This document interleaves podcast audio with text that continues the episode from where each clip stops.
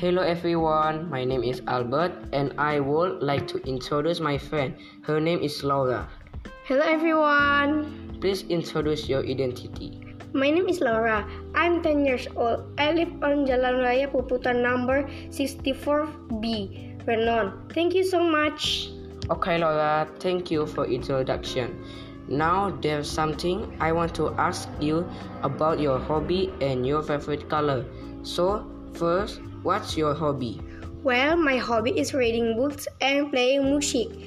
There is reason I like to read, read books. By reading books, I get knowledge that I don't know why music. By studying music, I can know what music really is. Okay, thanks Laura. And one more thing. What's your favorite color? My favorite color is blue because, in my opinion, blue symbolises and meaning of the depth, truth, loyalty, sincerity, wisdom, truth, stability, faith, heaven, and intelligence. Thank you, Laura, for the explanation. Then everyone see you all.